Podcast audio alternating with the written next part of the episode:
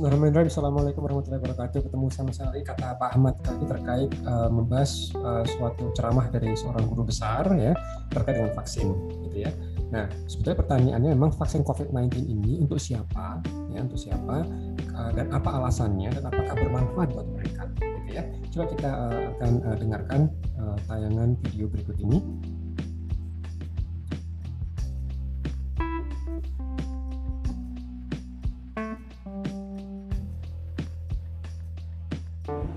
Vaksin itu hukumnya adalah wajib. Jadi kalau mak itu bisa diwakilkan. Belak-belakan saya sudah berdiskusi dengan ketua tim ya yang ditunjuk presiden untuk masalah vaksin ini.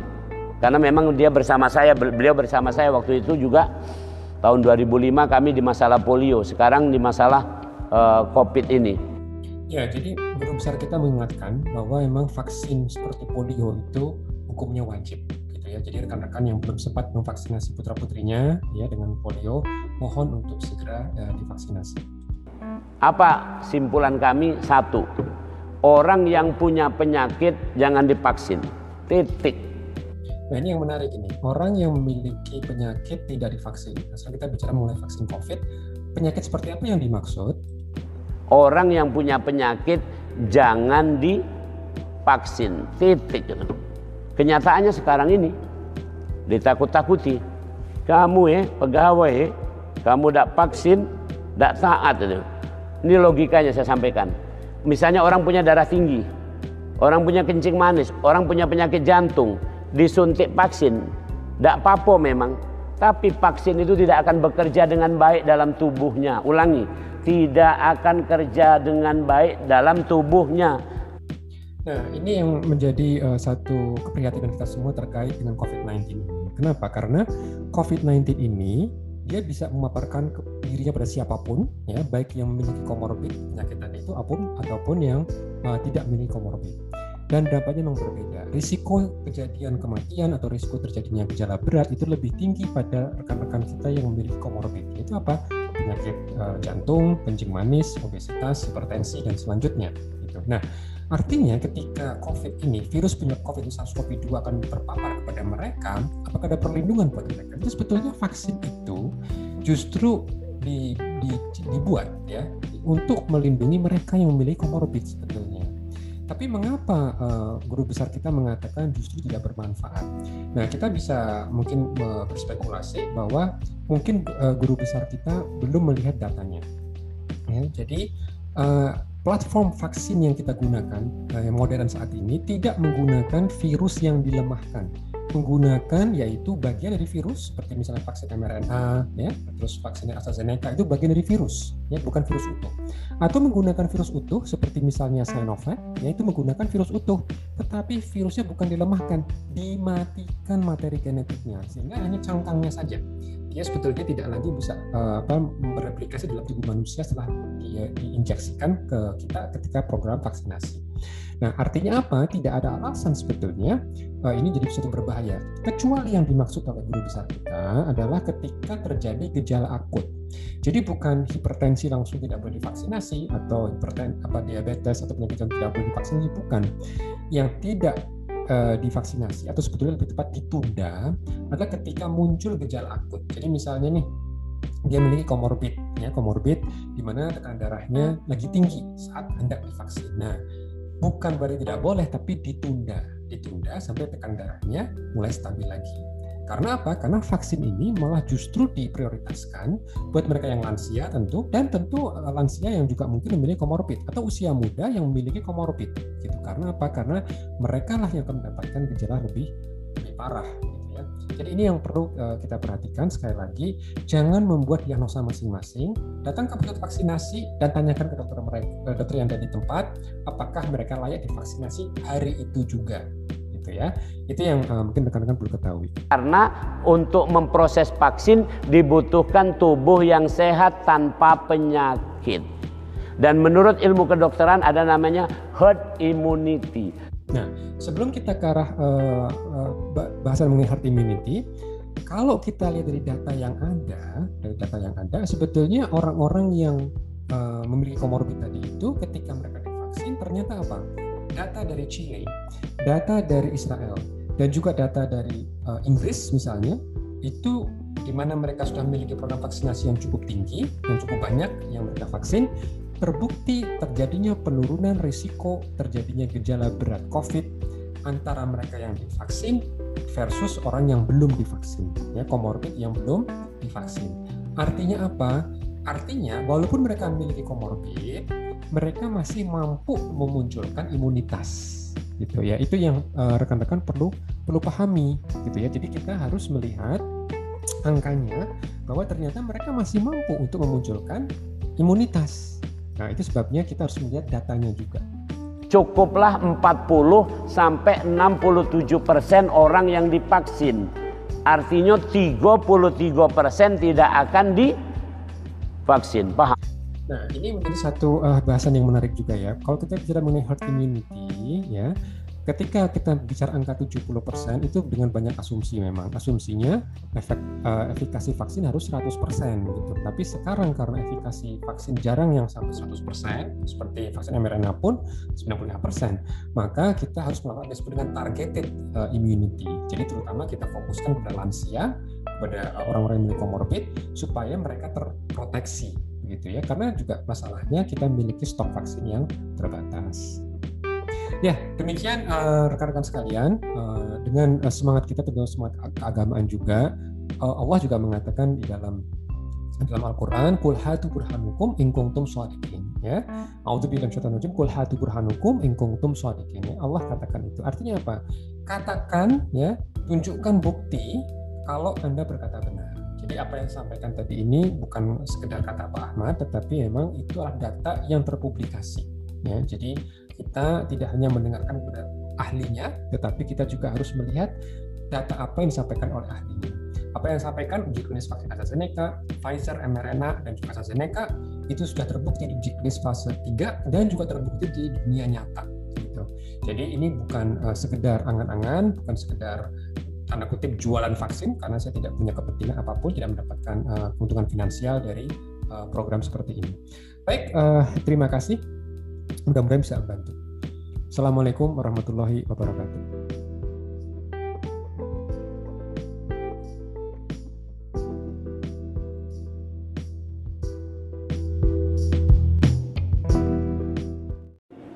Vaksin itu hukumnya adalah wajib jadi kalau mak itu bisa diwakilkan. Belak-belakan saya sudah berdiskusi dengan ketua tim ya yang ditunjuk presiden untuk masalah vaksin ini. Karena memang dia bersama saya, beliau bersama saya waktu itu juga tahun 2005 kami di masalah polio, sekarang di masalah uh, COVID ini.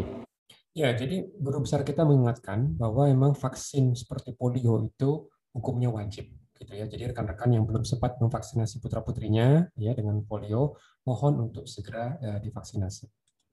Apa simpulan kami? Satu, orang yang punya penyakit jangan divaksin.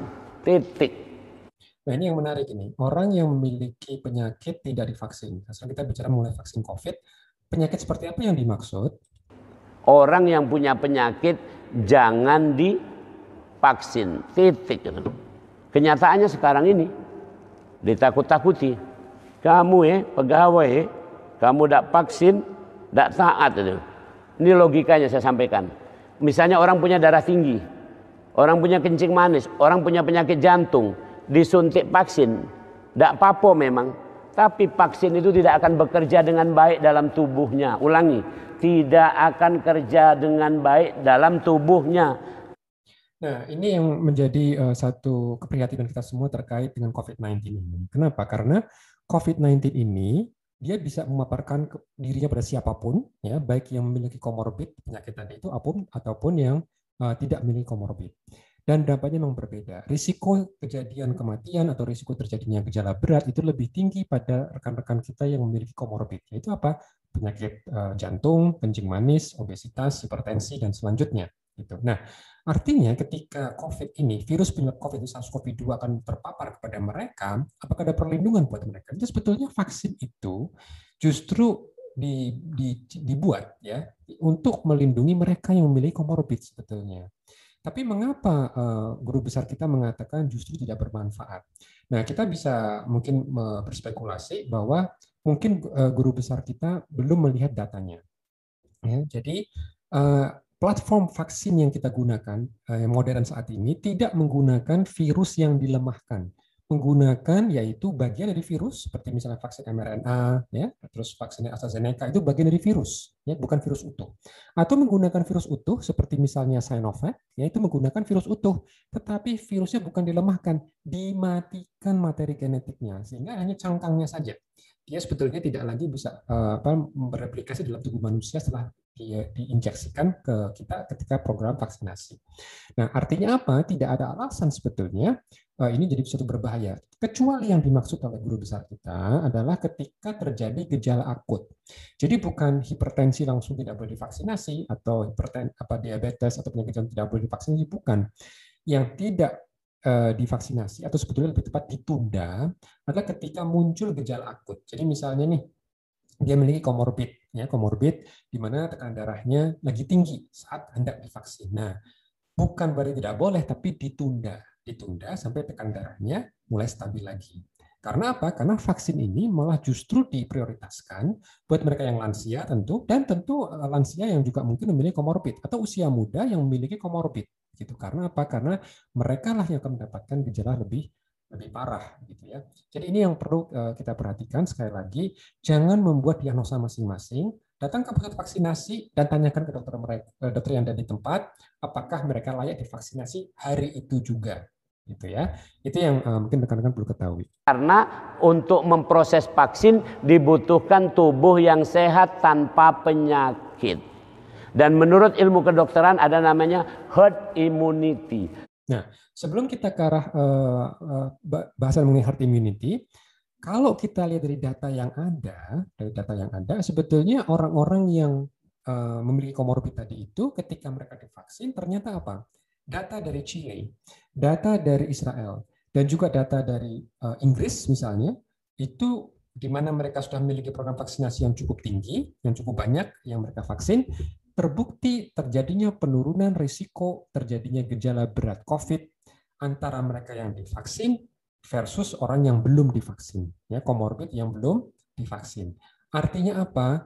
Artinya walaupun mereka memiliki komorbid, mereka masih mampu memunculkan imunitas, gitu ya. Itu yang eh, rekan-rekan perlu perlu pahami, gitu ya. Jadi kita harus melihat angkanya bahwa ternyata mereka masih mampu untuk memunculkan imunitas. Nah, itu sebabnya kita harus melihat datanya juga. Cukuplah 40 sampai 67 persen orang yang divaksin. Artinya 33 persen tidak akan divaksin. Paham?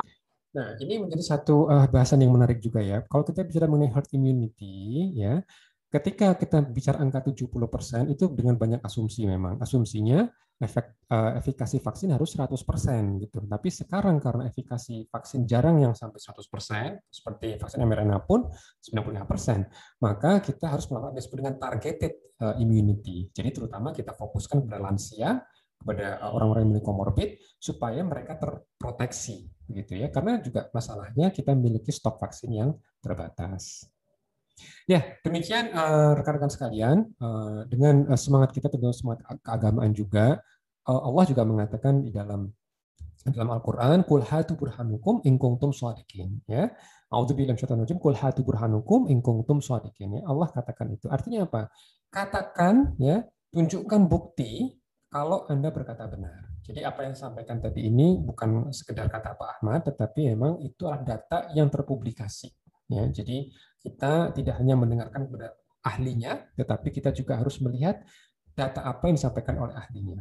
Apa yang disampaikan uji klinis vaksin AstraZeneca, Pfizer, mRNA, dan juga AstraZeneca itu sudah terbukti di uji klinis fase 3 dan juga terbukti di dunia nyata. Gitu. Jadi ini bukan uh, sekedar angan-angan, bukan sekedar tanda kutip jualan vaksin karena saya tidak punya kepentingan apa pun, tidak mendapatkan uh, keuntungan finansial dari uh, program seperti ini. Baik, terima kasih. Mudah-mudahan bisa membantu. Assalamualaikum warahmatullahi wabarakatuh.